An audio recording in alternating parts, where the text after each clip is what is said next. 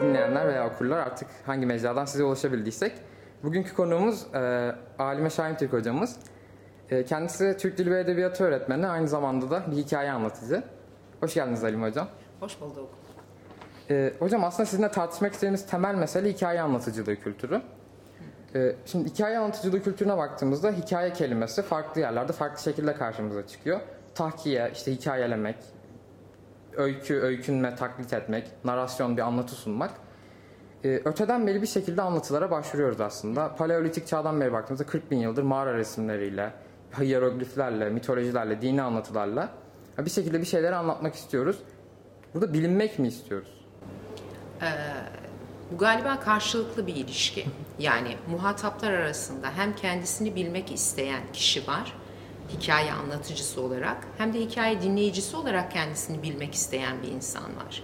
Yani hikaye anlatıcısı da aslında e, kendine dair bir şeyler bilmek istiyor. Kendisini karşısındakine bildirmeden ziyade biraz e, ne diyelim hani kendi derdimizi karşımızdaki arkadaşımıza aktarırken günlük hayat içerisinde dahi yani çok ciddi bir kurgusal anlatım oluşturmadık. Bir derdimizden bahsetmek istiyoruz. Anlatıcıyız yani ve hikayemizin bir bölümünü anlatıyoruz orada da.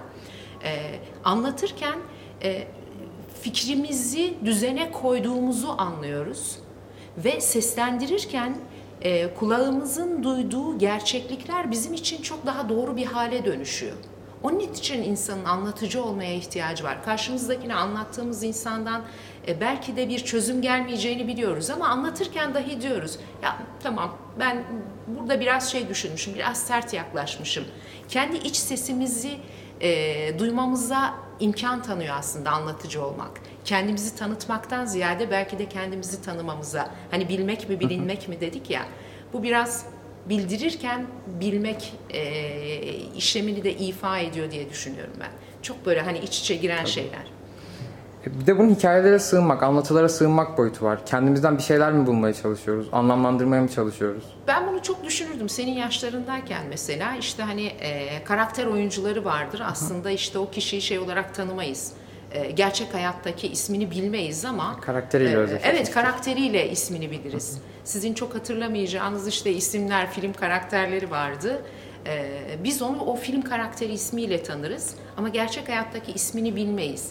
Orada hep şeyi düşünürdüm ya acaba anlattığım kişi ben miyim? Ben anlattığım kişi miyim? Ben gerçekten içimdeki kişiyi mi anlatıyorum? Yoksa anlatmak istediğim kişiyi mi oynuyorum? Bu o kadar yine geçişken bir şey ki böyle zaman zaman eee, olmak istediğimiz kişiyi anlatıyoruz. Zaman zaman da gerçekten kendi sınırlarımıza dayanıp böyle kendimizle karşılaşıyoruz ve kendimize dair bir şeyler anlatıyoruz.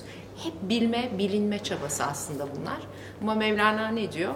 İşte ya olduğun gibi görün ya göründüğün gibi ol. Yani hikayeni e, kendinle tanışmaya gayret et. O karşılaştığın hikayeyi anlatmaya çalış. E, özünü bilmeye gayret et. Ama zaten hani bizim inancımız çerçevesine baktığımızda da işte kendini bilen Rabbini bilir diyor. Her şey oradan geçiyor. Hikaye anlatıcılığı da bence dönüp baktığımda belki daha e, ne diyelim farklı bakış açılarına göre dar bir cephe olabilir ama benim bütün inancımı e, bağladığım temel nokta orası. Hikaye anlatıcılığının en başında aslında Habil ile Kabil kardeşlerin o muhatabiyetleri ve kendisini bir başka üzeri, bir başkası üzerinde sınayarak var etme çabası. Öyle değil mi? Ama dönüp baktığımızda mesela hani bazen şey yapıyoruz ya ders tahlilleri yapıyoruz. 15. 16. yüzyıldan kalma bir e, şiiri tahlil ediyoruz. İşte e, Şeyhi'nin harnamesini işliyoruz. Başına gelen işte bir olay çerçevesinde e, böyle ironik bir dille eleştiri yazıyor. Okuyoruz ve diyoruz ki "Cık, aa hiç farklılık yok. Aynen. Öyle değil mi? Günümüzde de hala kişi istediği şeye ulaşamadığı vakit o e, işte Nedim'e verilen isim tığ zebanı öyle bir çıkarı veriyor ki birdenbire. Öyle değil mi? İnsanoğlu değişmiyor aslında. Sadece anlatırken kendisine dair bir şeyleri olmak istediği veya tanıdığı, karşılaştığı kişiye dair bir şeyler anlatırken kullandığı enstrümanlar değişiyor o kadar. Bu kadar. Anlatıcılık her daim var olacak. Ee, ve iyi bir dinleyici olduğumuz müddetçe kime anlattığınız önemli değil. Kendinizi iyi duymanız çok önemli bir şey. Çünkü kendinize dair sınırları kolluyor olacaksınız o esnada. Yine sözü nereye bağlamak lazım galiba? İşte kendini bilen Rabbini bilir noktasına bağlamak gerekiyor. Hikaye anlatıcılığı ama şu günlerde de şu var, e, bütün meseleler o storytellingler vesaire falan dönüp baktığınızda e, içi boşaltılarak yaşanan birçok e, uygulama gerçekten beni çok derinden etkiliyor ve üzüyor.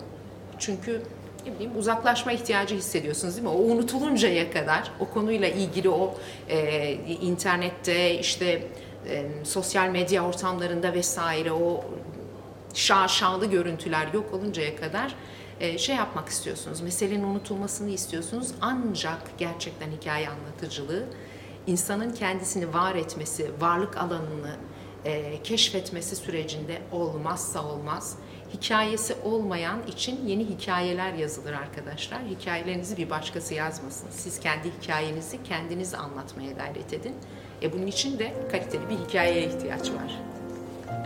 Hocam çok teşekkürler. Ben teşekkür ediyorum.